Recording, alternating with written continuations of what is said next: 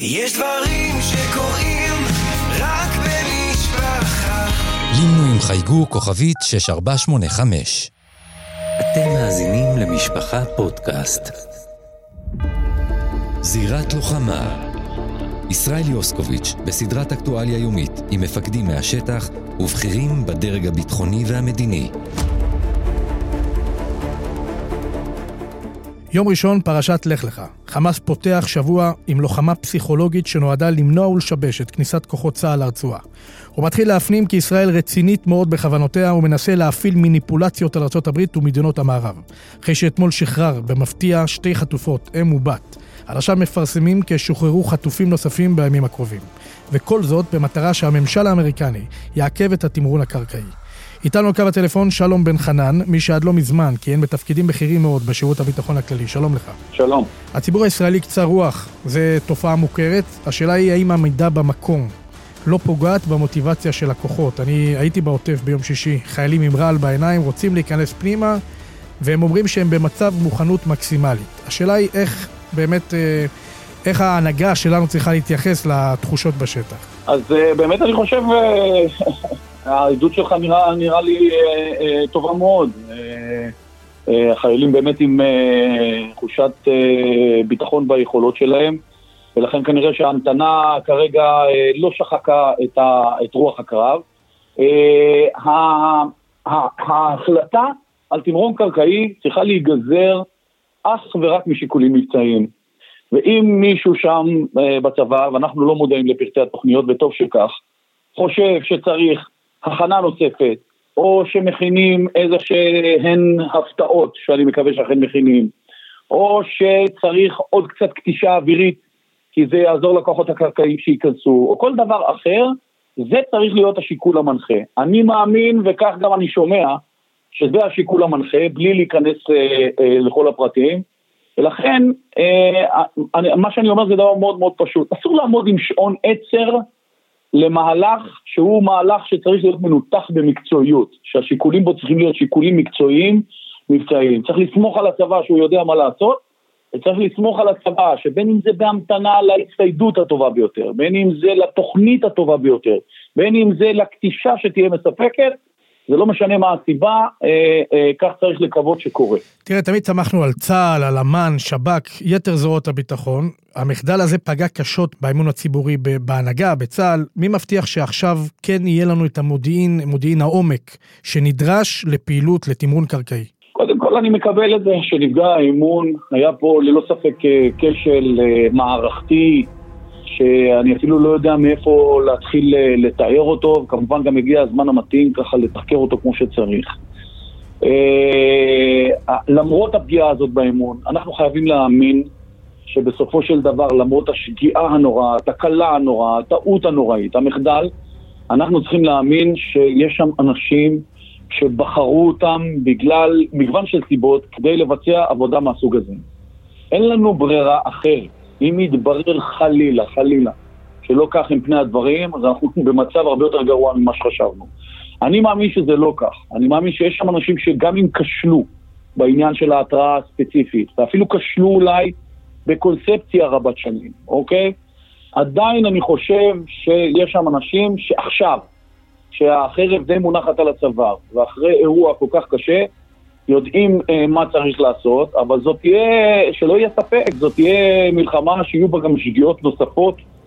אנחנו נספוג אבדות, אין, אין, אין, אין ברירה אחרת, אני לא, חושב שזה אפשר, אין מלחמות סטריליות. לצערי הרב העניין הזה של לספוג אבדות הוא כנראה הפך להיות יותר מדי הקו המנחה במשך שנים, שגם הזין את הקונספציה הבעייתית, אבל עכשיו אחרי 1,400 אבדות ומעל ל-200 חטופים, אני לא חושב שיש לנו ברירה אחרת, אבל אין מלחמות סטריליות. ויהרגו גם אזרחים בצד השני, אה, אה, גם אם נשתדל מאוד מאוד שזה לא יקרה, ותהיינה טעויות, ויכול להיות אה, דוצים, ירי צדדי, הכל יכול לקרות, כי זאת מלחמה. אנחנו צריכים להיות עם אורך רוח, וצריכים לתת לכוחות לעשות את מה שאני מקווה ומאמין שהם באמת יודעים לעשות. תראה, אתה היית הרבה מאוד שנים משירות הביטחון הכללי. ותראה, אנחנו רואים פער מאוד מאוד גדול, חור שחור, בכל מה שנוגע לעזה. אנחנו באיראן מצליחים לפעול ולעשות ופעולות על פי פרסומים זרים הירואיות, ובכל זאת, בכל מה שנוגע לעזה, אפילו אצל גלעד שליט ראינו את הדבר הזה. חלפו 12 שנה ושום דבר כאילו לא השתנה. אני, תראה, אני מבין את התחושות, אני לא חושב שהתיאור הזה הוא מדויק, אבל קשה לי להתווכח איתו לאור התחושות הקשות. חלק מהדברים שעשינו או לא עשינו בעזה, הטרגדיה הגדולה שלנו, זה שידענו המון דברים, ודווקא, למרות שידענו, הקונספציה הובילה אותנו למקום אחר, אוקיי? אני אקח לדוגמה את הסיפור של היכולות בהתקפה האחרונה הזאת, בטבח הזה של החמאס, אנחנו היינו, הכרנו את כל היכולות, נתקלנו בהן, בחלק טיפלנו, ידענו את המטרה הסופית, ידענו שהם מתאמנים, ידענו הרבה דברים, ובכל זאת לא עשינו את מה שצריך לעשות, שזה כבר סיפור לשאלה אחרת. חלק מהדברים, דרך אגב, ברצועת עזה יותר קשים מאשר לביצוע מאשר באיראן. רצועת עזה היא מאוד מאוד קטנה, מאוד מאוד צפופה, ולכן במשך חמש שנים לא היה לנו מודיעין מדויק, או באמת מדויק ברמה שיאפשר פעולה, לחילוץ, לחילוצו של גלעד שליט אה, אה, בזמנו. אה, כן, צריך להבין שגם ליכולות מאוד מאוד גבוהות, יש בסופו של דבר איזושהי מגבלה ברצועת שטח מאוד מאוד צרה, עם שני מיליון תושבים, עם שלטון אה, חמאס מאוד מאוד קפדני. מאוד מאוד מיומן ומאוד מאוד אה, מאומן. אה, וצריך להבין שגם לעניין הזה יש איזה שהן מגבלות. עדיין אני לא חושב שביכולות האלה הם יכולים לעמוד מול צה"ל במלחמה כוללת. וכרגע אנחנו נמצאים במלחמה כוללת, עוד יהיה זמן לדבר על מה שהיינו צריכים לעשות 12 שנים או 15 שנים אפילו, עוד יהיה זמן לדבר על העניין הזה, אבל הטרגדיה הגדולה, אני חושב, של הסיפור הזה, זה שידענו המון דברים ולא בחרנו לעשות את הפעולה הנכונה למרות שידענו. אוקיי, זה לגבי המודיעין שלנו, אבל מה אתה אומר על המודיעין שלהם? מודיעין מדויק, אני ראיתי מפות ממש, אה, לא רוצה לפרט, אבל גם אה, מודיעין שהיה להם על כל מיני יחידות מסווגות, ידעו בדיוק לאיפה להגיע, לאיזה חדר. איך אתה מסביר את היכולות המודיעיניות הגבוהות שהם הגיעו אליהם? זה, זה, אתה יודע, זה לא נופל מיחידות עילית בצבאות אה, חזקים מאוד, כמו צבא שלנו למשל. תשמע, כשאתה מכין משהו ללא הפרעה אמיתית במשך שנים, אה, כשאתה לא מטפל בבסיסי תצפית הכי פשוטים שהם הקימו על הגדר, שהיו צריכים בסך הכל לצפות מה קורה מטרים ספורים אחרי הגדר בתוך הצד הישראלי. כשאתה נותן לפועלים ומגדיל כל פעם את מכסות הפועלים שייכנסו לשטח ואתה חייב להניח, גם אם עכשיו בחוכמה שבדיעבד, שהדבר הזה שימש גם כן לאיסוף מל"מ, מכיוון שאנחנו יודעים על מקרים שאנחנו תפסנו, עצרנו וחקרנו בשב"כ.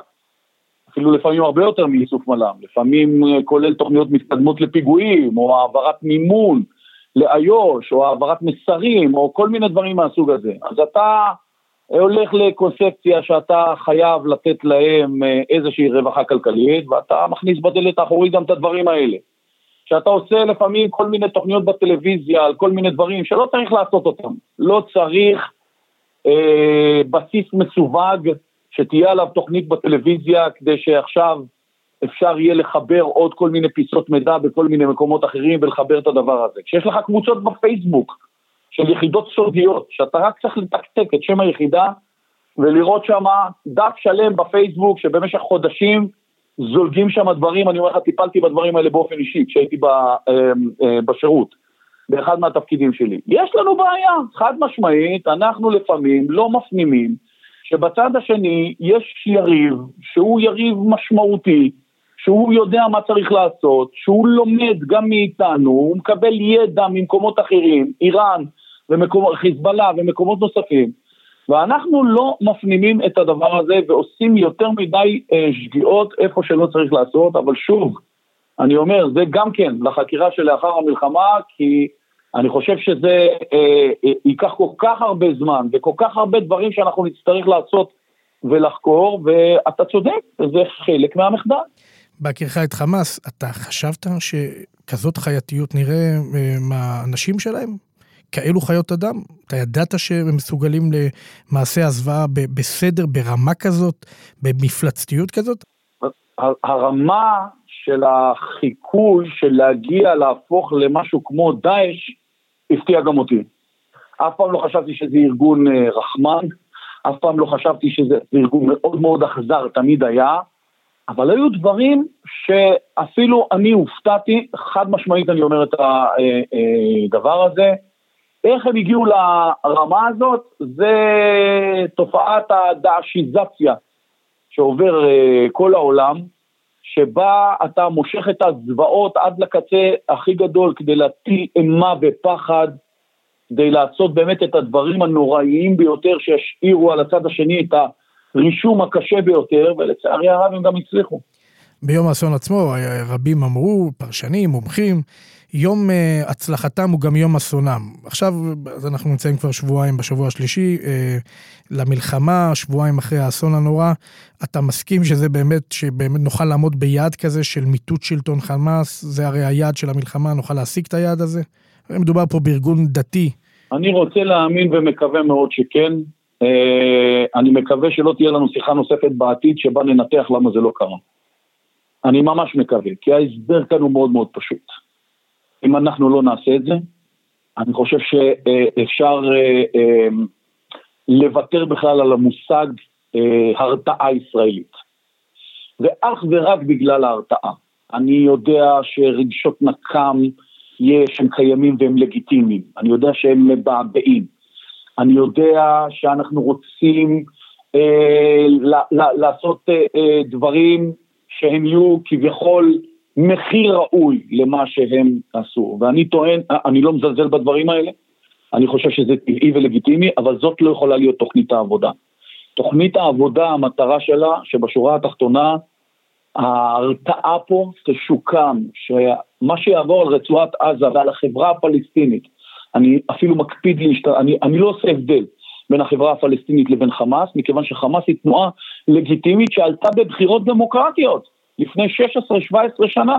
זאת אומרת שיש לה תמיכה באוכלוסייה גדולה מאוד, יש לה מוסדות ממשל שבהם משרתים עשרות אלפי פקידים ברצועת עזה, יש להם מוסדות שונים שהם לא כולם מוסדות צבאיים, האירוע הזה הוא לא אירוע של רק אלה שמסתובבים עם אה, קלצ'ניקוב ויורים רקטות. במילים אחרות, מה שאתה אומר, שאנחנו צריכים פחות להיות אה, סובלניים כלפי האוכלוסייה, כי גם היא אה, אה, אה, נושאת את אותן דעות אה, דתיות ואת אותן... פחות אה... הרבה, אני נקטתי ברעיונות שונים, אפילו במושג אה, אה, משבר הומניטרי, או נכבה שנייה לפלסטינים. הפלסטינים צריכים לזכור, הפלסטינים וכל העולם, ובעיקר האויבים שלנו, צריכים לזכור את האירוע הזה אחרי זה באמת כיום אסונם, כנכבה שנייה.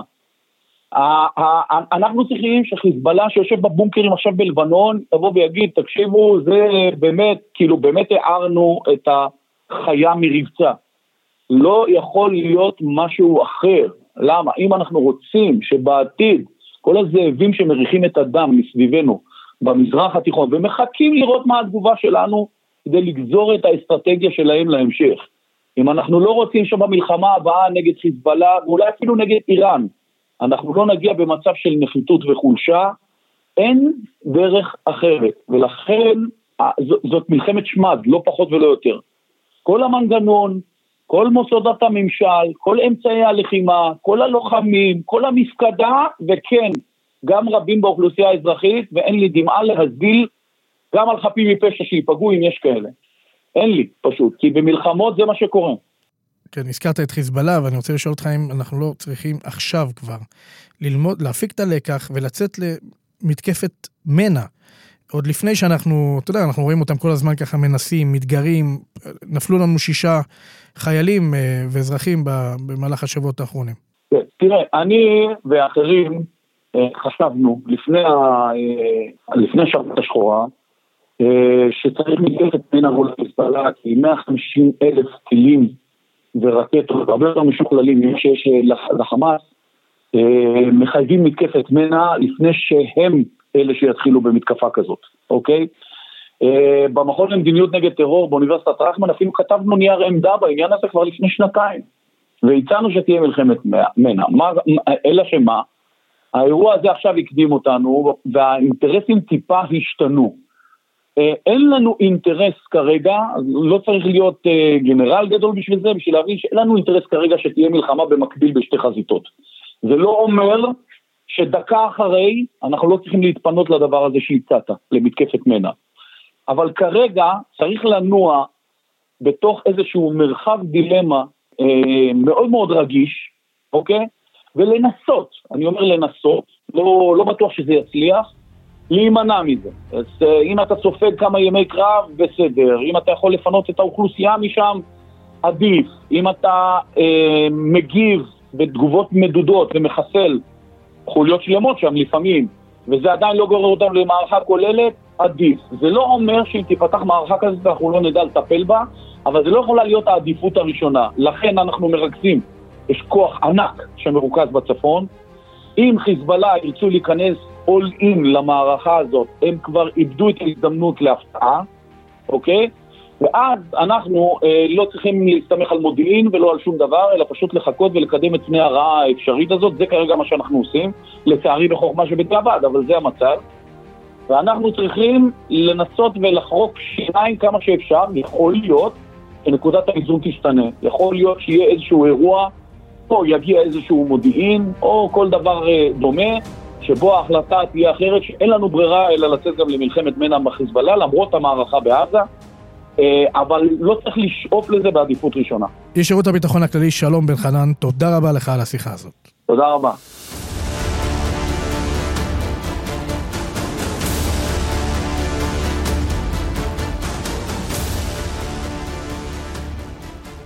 אמיר טיבון הוא כתב מדיני שאני מכיר אותו הרבה שנים. לאחרונה הוא חזר מארצות הברית אחרי תקופה שבה היה כתב בוושינגטון. כשחזר חיפש מקום אידיאלי למגורים עבור משפחתו, והוא נמצא ונבחר ב... ביישוב נחל עוז, שבאמת מי שהיה שם יודע עד כמה הוא מקום פסטורלי ואידיאלי למגורים, למשפחות. עד הבוקר ההוא, לפני שבועיים, בוקר שמחת תורה, שבה החלה מתקפת הפתע מצד חיות האדם של חמאס. אמיר הסתגר בביתו עם משפחתו והתקשר לאבא שלו, האלוף במיל נועם טיבון. הוא דיווח לו על המצב, והאבא, איש אמיץ, באופן יוצא דופן, יצא למבצע חילוץ פרטי בתוך התופת. אמיר נמצא איתנו על הקו, שלום לך. היי ישראל, שלום לך ולכל המאזין והמאזינות. תראה, אני מכיר אותך אה, לא מעט שנים, אה, ואני מכיר גם את, ה, גם את האומץ לב שלך ושל אביך, יצא לי לראיין אותו לא, לא, לא מעט פעמים.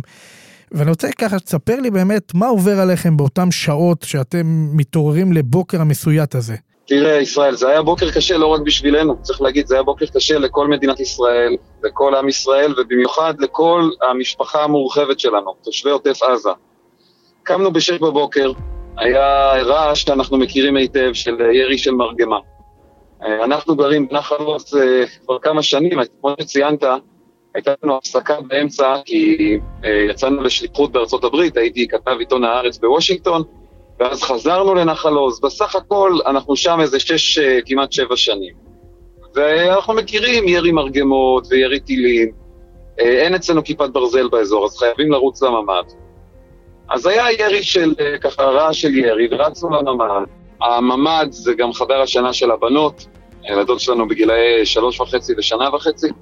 אז רצנו לממ"ד, זה דבר שאנחנו יודעים היטב, מתורגלים לעשות אותו, וחיכינו שהמטח יירגע, בינתיים ארזנו uh, מזוודה, והתכוננו ברגע שתהיה רגיעה במטח, לדחוף את הילדות לאוטו ולנסוע הרחק למקום יותר בטוח. שוב, אנחנו גרים הרבה, כבר כמה שנים באזור העוטף, מכירים את זה, לא מתרגשים.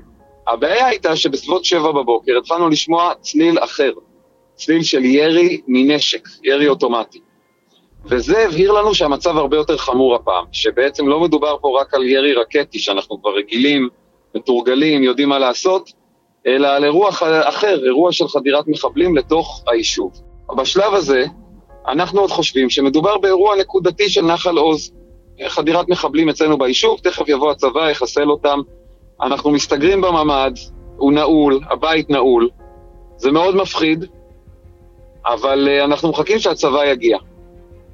ומה שקורה זה שאנחנו מתחילים להבין שאף אחד לא מגיע. שעובר זמן, אנחנו שומעים אותם מדברים בערבית מחוץ לחלון, אני מבין ערבית, אז אני גם מבין על מה הם מדברים. אה, הם בעצם מתכננים איך לפרוץ לבתים בשכונה. והם יורים לתוך הבית שלנו, הם יורים על החלונות, הם יורים על הדלת. שעות אה, מאוד מפחידות. אה, והאמת היא, לנו, היו לנו כמה ניסים, ישראל. אתה יודע, אני לא איש דתי, אבל היו לנו כמה ניסים ביום הזה. הם לא הצליחו לפרוץ לתוך הבית שלנו, ובאופן כללי, הבתים בשכונה שלנו, בשכונה החדשה של נחל עוז, רובם לא נפרצו. והיה לנו נס נוסף, שהיה שם כוח קטן של אה, משמר הגבול בתוך היישוב שלנו. עשרה לוחמים של משמר הגבול אה, שהיו שם כדי לטפל בהפרות הסדר על הגדר.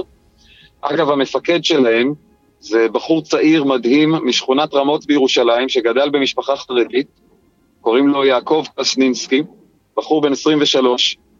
אה, הוא גדל בבית חרדי, הוא התגייס והפך ללוחם, והעשרה החבר'ה האלה, יחד עם כיתת הכוננות של קיבוץ נחל עוז, נלחמו בשעות הבוקר לבד מול 100 מחבלים. אתה יכול לדמיין כזה דבר? בלתי נתפס. בלתי נתפס, כמו במלחמת העצמאות, מעטים מול רבים. במוצב הייתה טרגדיה מאוד גדולה. הם אה, הרגו שם הרבה חיילים, וגם בקיבוץ אצלנו, לצערנו, יש, כרגע אנחנו לדעתי עומדים על 15 הרוגים, ויכול להיות שזה עוד יעלה. אבל החבר'ה האלה של אה, משמר הגבול, יחד עם כיתת הכוננות שלנו, ניהלו קרב בלימה מטורף. ולצערנו, אה, ידם קצרה מלהושיע בכל המקרים. היו לנו הרוגים, ויש לנו פצועים, ויש לנו אנשים שכנראה נחטפו לעזה, אבל הם הצילו הרבה מאוד חיים, ואני הלכתי, אה, אח, אחרי שיצאנו, תכף נספר איך יצאנו, אני הלכתי לבקר את משפחתו של יעקב, זיכרונו לברכה, בשכונת רמות, אבל אתה יודע, ישראל, ישבנו זה מול זו, אני ואימא שלו. אני אה, עיתונאי בעיתון הארץ, קיבוצניק, שמאלני, אה, גאה בכל הדברים האלה, ואימא שלו אישה חרדית, צדיקה, ואתה יודע, היה לנו חיבור מדהים. ואמרתי לה, הסתכלתי לה בעיניים ואמרתי לה, הבן שלך הציל את החיים שלנו. הציל את החיים שלנו, של השכנים שלנו, אה, וזה משהו לחשוב עליו בימים האלה. אבל אה, אם, אם להמשיך את הסיפור, אז בזמן שהם מנהלים את הלחימה, אה, אתה יודע, זה מצב מאוד קשה. ואני בינתיים מדבר עם אבא שלי. אבא שלי, אלוף במילואים נועם טיבון, הוא גר בתל אביב, ואני אמרתי לו, תשמע, יש פה מחבלים בתוך השכונה, הם מנסים להיכנס לתוך הבית, אנחנו שומעים איך הם יורים על החלונות, איך הם דופקים על הדלתות. המצב מאוד קשה, והצבא לא פה, ואבא שלי אמר שהוא בא, שהוא בא מתל אביב, להצטרף לקרב, להצטרף לקרב על החיים שלנו. ההורים שלי יצאו מתל אביב, אבא שלי ואימא שלי, נסעו כמו מטורפים, הגיעו לאזור העוטף, וכשהם מגיעים הם רואים זוג רץ ברגל, גבר ואישה בערך בגיל שלנו. הסתבר שזה זוג שברח מאותה אה, מסיבה שנערכה ליד קיבוץ רעים, שהיה שם טבח נוראי. ההורים שלי מעלים אותם על האוטו, לוקחים אותם לאיזושהי נקודת משטרה, מסתובבים, ממשיכים לנסוע. הם מגיעים לאזור של קיבוץ מפלסים ושם הם אה, מתפצלים. אבא שלי נוסע לכיוון של אה, נחל עוז, באוטו שלו, הוא רק עם אקדח בשלב הזה, אין לו נשק תקני. מצטרף אליו חייל אחד של אה, איזשהו כוח שהיה שם ש... שאמר אני בא איתך. הם אה, נוסעים לכיוון אה, נחל עוז, והם רואים לפניהם, בכביש, בדרך לקיבוץ, רכב צבאי של יחידת מגלן שנקלע למארב מחבלים. מתפתח שם קרב יריות, והם, אבא שלי ואותו חייל, איש גיבור בשם אבי זפרני, הם מצטרפים ללחימה, הם עוזרים להרוג את המחבלים, הם לוקחים נשק של אה, אחד ההרוגים שלנו שם, קצין גיבור במגלן, חן בוכריס, זיכרונו לברכה. והלחימה מסתיימת, המחבלים הרוגים, אבל יש שם עכשיו שלושה חבר'ה שלנו שוכבים פצועים, חיילים במגלן. אז אה, אבא שלי ואבי זפרני מעמיסים אותם על הג'יפ, ובמקום לנסוע דוך לנחל עוז אלינו, חוזרים אחורה למפלסים. כי אם הם לא יעשו את זה, החבר'ה האלה יכולים, אה, לפחות אחד מהם עשוי, עשוי היה לאבד את חייו. צומת סער שם, נכון? באזור של צומת סעד. עכשיו, זה כביש מאוד מסוכן, יורים שם נ"ט, תהיה שם חוליות, הם נוסעים, והם מגיעים לקיבוץ מפלסים, אמא שלי מחכה שם בתוך מיגונית, ואבא שלי אומר לאמא שלי, קחי את החבר'ה הפצועים האלה, את השלושה לוחמים שלנו, קחי אותם לבית חולים. אז אמא שלי אה, נוסעת עם השלושה פצועים מאחורה, לבית חולים אה, ברזילי באשקלון. ומביאה אותם, ושלושתם בחיים, שלושתם איתנו, גם uh, דיברו עם ההורים שלי אחר כך, והכל הכל בסדר. הם עברו דבר מאוד קשה, הם גיבורים, מדהים. אבל הם איתנו. פשוט מדהים. בינתיים אבא שלי נמצא שם בשטח, אין לו אוטו עכשיו, אתה מבין? כי כן. אימא שלי לקחה את הפצועים עם האוטו לאשקלון. ואז מגיע מלאך, מלאך מציל, אלוף במילואים ישראל זיו. ישראל, אה, אני חושב שהוא בן 67, אבא שלי גם מעל, מעל גיל 60, הם מכירים אחד את השני מהצנחנים, ואבא שלי אומר לישראל, אני צריך שתיקח אותי לנחל עוז, הנכדות שלי שם. אמ, ישראל הגיע לשטח, מהבוקר כבר עזר להילחם במחבלים, עזר לחלץ אנשים, והוא אומר לו, יאללה בוא. הם נוסעים באוטו רגיל, לא באוטו ממוגן. נוסעים אה, לכיוון נחל עוז. אתה יודע, הם נוסעים דרך אותו כביש שחצי שעה קודם היה שם את המערב ואת הקרב עם המחבלים. הם מגיעים לכניסה ליישוב, רואים שם כוח של מגלן שעומד להיכנס ליישוב, אבא שלי מבקש להצטרף אליהם. יש שם קצין צעיר שמזהה אותו ושואל אותו מה אתה עושה פה, ואבא שלי אומר לו, המשפחה שלי גרה פה, אני מכיר פה את היישוב, אני אעזור לכם. בשלב הזה ישראל אה, אה, ככה אומר ביי ונוסע לאזור בארי, כי גם שם צריך להילחם, גם שם צריך להציל אנשים. ואבא שלי נכנס לנחל עוז עם הכוח של מגלן, הם חוברים שם ללוחמים האמיצים של מג"ב ולכיתת הכוננות, בשלב הזה כבר יש לנו פצועים במגלן ובכיתת הכוננות. אז ההגעה של הכוח הזה, ההגעה של הכוח הזה הייתה מאוד חשובה. והם נכנסים לתוך היישוב, מתחילים לסרוק בית לבית, עוברים בכל בית, בודקים ש, אה, שהבית בסדר, הורגים מחבלים, החבר'ה האלה של מגלן הרגו לא מעט מחבלים, מוציאים את האנשים מהממ"דים, אומרים להם צה"ל הגיע, אתם בסדר, אתם יכולים לפתוח את הדלת, אתם יכולים לקחת מים, אתם יכולים לקחת אוכל, ואז מהר מהר לחזור פנימה, שלא יפגע בכם איזה רקטה או איזה טיל. וככה הם סורקים את היישוב, מנהלים לחימה. אנחנו לא יודעים שכל זה קורה, ישראל, אנחנו סגורים בממ"ד, אין לנו חשמל, אין לנו טלפון, אין לנו אוכל, אין לנו אור, אנחנו לא יודעים. אני רק יודע שאבא שלי אמר שהוא יבוא. למה אין חשמל? כי את, אתם לא רציתם לעורר תשומת לב, או שפשוט קיוו את זה? כלום, לא היה חשמל, החשמל נפל בכל השכונה, הם כנראה פגעו באיזה משהו ונפל החשמל לכל השכונה. ואז אנחנו יושבים בחושך ומחכים. מחכים. אה, אני יודע שאבא שלי אמר שהוא יבוא, ואני סומך עליו. אני מאמין שהוא יבוא, אבא שלי הוא איש אה, אמין, הוא לא אומר דברים סתם, והיה לי ברור שהוא יגיע. ואנחנו מתחילים לשמוע את, ה, את היריות, את הקרבות, שהחבר'ה של מגלן מנהלים עם המחבלים. ואני אומר למירי אשתי, הנה אבא שלי הגיע לקיבוץ. והיא לא פקפקה בזה, היא גם, היא מכירה אותו הרבה שנים, היא יודעת. בסביבות ארבע אחר הצהריים, אנחנו עשר שעות בממ"ד, והילדות היו גיבורות, הן היו בשקט, הסברנו להם שצריך להיות בשקט, שאסור עכשיו לדבר, אסור לצעוק, אסור לבכות, והם פשוט שכבו בשקט בחושך בלי אוכל במשך עשר שעות, למזלנו אשתי הביאה קצת מים לפני שנכנסנו. וואו. אבל אחרי העשר שעות האלה, בסביבות אה, ארבע, אנחנו שומעים דפיקה חזקה על החלון של הממ"ד, שומעים את אה, אבא שלי צועק משהו מבחוץ, וגליה, הבת הגדולה שלי, אמרה, סבא הגיע. ואז ידענו שאנחנו בחיים. פשוט צמרמורת לשמוע את זה. זה היה רגע מאוד מרגש, הוא, פתחנו את הדלת, נכנס הכוח של מגלן, והבית שלנו הפך להיות סוג של חדר פיקוד, זאת אומרת, הכוח של מגלן אמר לאבא שלי, אתה נשאר פה, אמ, ואנחנו מביאים אליכם את השכונה. כי היו אנשים מישראל שהיו פצועים, וצריך לטפל בהם. היו אנשים שהבית שלהם, אה, עקרו לו את הדלת, וזה כבר לא בטיחותי שהם יהיו שם, אז הביאו, הביאו את כולם אלינו, והבית שלנו הפך להיות כמו איזה מין, אתה יודע, מרכז קהילתי כזה. כל השכונה אצלנו באיזשהו שלב היו איזה 40-50 איש בתוך הבית. הילדים בממ"ד, המבוגרים בסלון, מכינים אוכל לילדים, ו- ו- ומתחבקים ובוכים שאנחנו בחיים, אבל גם היה מאוד עצוב, כי התחלנו להבין מה קרה ישראל, התחלנו להבין את גודל האסון. במשפחה אחת לא יודעים איפה האבא, ובמשפחה אחת לא יודעים איפה האימא, ו... זה היה רגעים מצד אחד שמחים ומצד שני קשים, ובסוף בסוף ב-11 בלילה הגיע אוטובוס, הוציא אותנו, ומאז לא חזרנו הביתה ואנחנו מחכים. מחכים שיהיה אפשר לחזור. זהו, אז אני רוצה לשאול אותך באמת בהקשר לזה. האם אתה רואה את עצמך ממשיך לגור שם, חוזר למקום? תראה, מבחינה חיצונית, אז נחל עוז אמנם פחות, באופן יחסי כמובן, עדיין רואים שם אה, רכבים נכון, שרופים נכון. ומחוררים, אבל פחות נפגע מאשר בארי וכפר עזה. כן, ואני רוצה, ראיתי גם, אגב, את יושב ראש הקיבוץ מסתובב שם עדיין, וככה... כן, רני, איש גיבור כן, שמסתובב שם מיוחד, ממש, ומתקן דברים. באמת איש מיוחד. נכון. רציתי נכון. לשאול אותך אם בכלל אתה רואה את עצמך ממשיך שם. תראה, אנחנו רוצים לחזור הביתה, אבל אנחנו רוצים לחזור הביתה ב- בידיעה שאנחנו בטוחים. כרגע יש לנו משבר אמון מאוד קשה מול הממשלה, מול הצבא, מול המדינה. אה, אמרו לנו שאנחנו בטוחים. אמרו לנו מראש הממשלה, דרך אלוף הפיקוד, דרך מפקד האוגדה, אמרו לנו שבנו מכשול תת-קרקעי, אין יותר איום מנהרות, ולכן לא יכולים להיכנס מחבלים. את, ה- את האיום של הרקטות, ישראל, אנחנו חישבנו פנימה.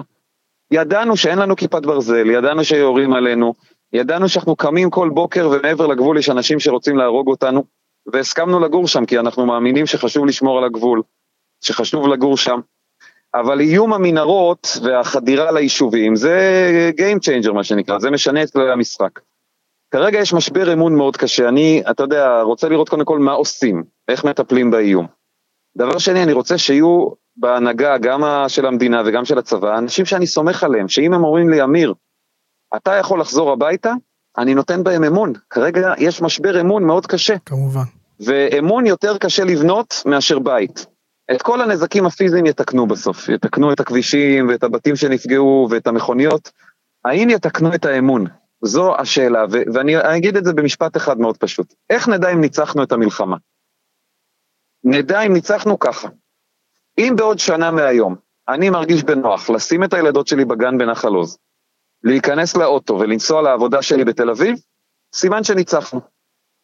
אם לא, אז הפסדנו, ולא משנה, נהרוג מאה אלף מחבלים. אם אני לא מרגיש בנוח, אני והשכנים שלי, לשים את הילדים בגן בנחל עוז ולנסוע לעבודה, אז אף אחד לא יגור שם. זה שאלת המבחן שעומדת לפתחנו כרגע. חד משמעי, ואני רוצה גם ככה לשאול אותך ברגישות הנדרשת, כי היו כאלו, אומנם גם מיישובים סמוכים, שאמרו, אני לא מסוגל או לא מסוגלת לראות את עצמי חוזר או חוזרת ליישוב, ואתה יודע, הולך מולי מישהו שאשתו, הילדים, אה, זאת אומרת, יהיה מאוד מאוד קשה אחרי כזה אסון, בסדר גודל כזה, זה, זה קשה מן הסתם, זה מורכב מאוד אה, להמשיך את החיים הלאה, כשיש כל כך הרבה אנשים שבמעגל ראשון שספגו באמת אה, אבדות קשות מאוד. ישראל, זו שאלה מצוינת. אני אגיד לך ככה, אימא שלי, שגם הייתה גיבורה באותו יום וחילצה את הפצועים, אימא שלי היא חוקרת אה, היסטוריה של השואה. והיא, המחקר שלה מתמקד בשואת יהדות רומניה. ואחד הדברים שהיא גילתה במחקר שלה זה שבשנת 1944, תוך כדי השואה, אה, אני לא זוכר את השמות, אתה צריך להתנצל לי, אבל היו רבנים בקהילה היהודית ברומניה, שאתה יודע במה הם עסקו תוך כדי התופת של השואה? בהתרת עגונות. מתוך אמונה שגם ברגעים הכי קשים יש עתיד לעם היהודי, מתוך האמונה הזאת הם עסקו בהתרת עגונות. אני חושב שמתוך המשבר הזה אנחנו כן יכולים להיבנות וכן יכולים להתחזק, אבל זה דורש הסתכלות מפוקחת על מה שקרה. זה דורש הבנה שההנהגה שהובילו אותנו לזה לא יכולה להישאר, וזה לא רק בפוליטי, וזה לא רק בצבא, וזה לא רק במודיעין, זה בכל ברור, המקומות. זה ברור, חד משמעית. מי, מי שהוביל לזה לא יכול להישאר. וזה דורש הבנה שאנחנו צריכים להיות ביחד. החוויה של הביקור שלי אצל משפחתו של יעקב קרסנינסקי, זיכרונו לברכה, הייתה חוויה מאוד חשובה עבורי. אנחנו לא מסכימים על מיליון דברים, תושיב אותי ואת המשפחה שלו לדבר דת ומדינה ועל דברים אחרים, אנחנו נמצא על מה אנחנו לא מסכימים, וזה בסדר, אנחנו גם לא צריכים להעמיד פנים שעכשיו מסכימים על הכל וקום בעיה, כמו שאומרים. אבל אנחנו צריכים לחשוב איך אנחנו בונים פה חיים משותפים שמבוססים על כבוד הדדי, על הבנה ש... כל אחד יחיה בדרך חיים קצת אחרת, וצריך לתת לכל אחד את המקום שלו במדינה הזאת, לא לכפות אחד על השני, לכבד, להבין את, ה, את הזכויות שמגיעות לכל אחד ו, ולבנות משהו משותף וחזק. והדבר האחרון שאני רוצה להגיד, אסור לנו גם לשכוח את המחויבות שלנו לחטופים ולחטופות שלנו בעזה. יש לנו שם איזה 200 איש, אנחנו חייבים לפעול, לשחרר אותם, ו- ולא לשכוח את זה, ואם יש הזדמנות למשהו, מהלך מדיני, גם אם זה כואב, גם אם זה כאילו משפיל אותנו, כי היינו רוצים עכשיו רק לכסח ולכסח, אני מאמין שיש כאן עניין של פיקוח נפש, שהוא גם יכול לדחות חלק מההחלטות שאנחנו צריכים לקבל, כדי להחזיר את האנשים האלה ולהציל אותם, זה גם דבר שמאוד חשוב לי להגיד. שמע, לשמוע מילים כאלו מבן אדם שחווה כאלו זוועות, ועדיין אתה נות... אה, חושב על המשפחות שאיבדו יקירים, וחושב על כמה צריך אה, להתייחס באמת לטיפול ברצועת עזה ברגישות, בגלל אותן משפחות, זה דבר, אני חושב שזה מעורר השראה. תראה, ישראל, אם נצטרך לדחות את, ה... את החלקים מהלחימה, וזה אומר שאנחנו נהיה יותר זמן מחוץ לבית, וכאילו נסבול, כאילו, כי אנחנו לא בבית ולא זה, אבל זה ישמש אותנו, הזמן הזה, כדי להציל חיים, אני לוקח את העסקה הזאת. מדהים. לוקח את העסקה הזאת בשתי ידיים. מדהים. זה מאוד מאוד חשוב להגיד את זה. חיי אדם, מעל הכל, איבדנו מספיק אנשים. יהיה לנו זמן לנצח, צריך גם להחזיר את האנשים. תודה רבה לך על השיחה הזאת, תודה רבה לך. תודה ישראל היקר, ובאמת בריאות והצלחה לכולם. אמן, תודה, תודה.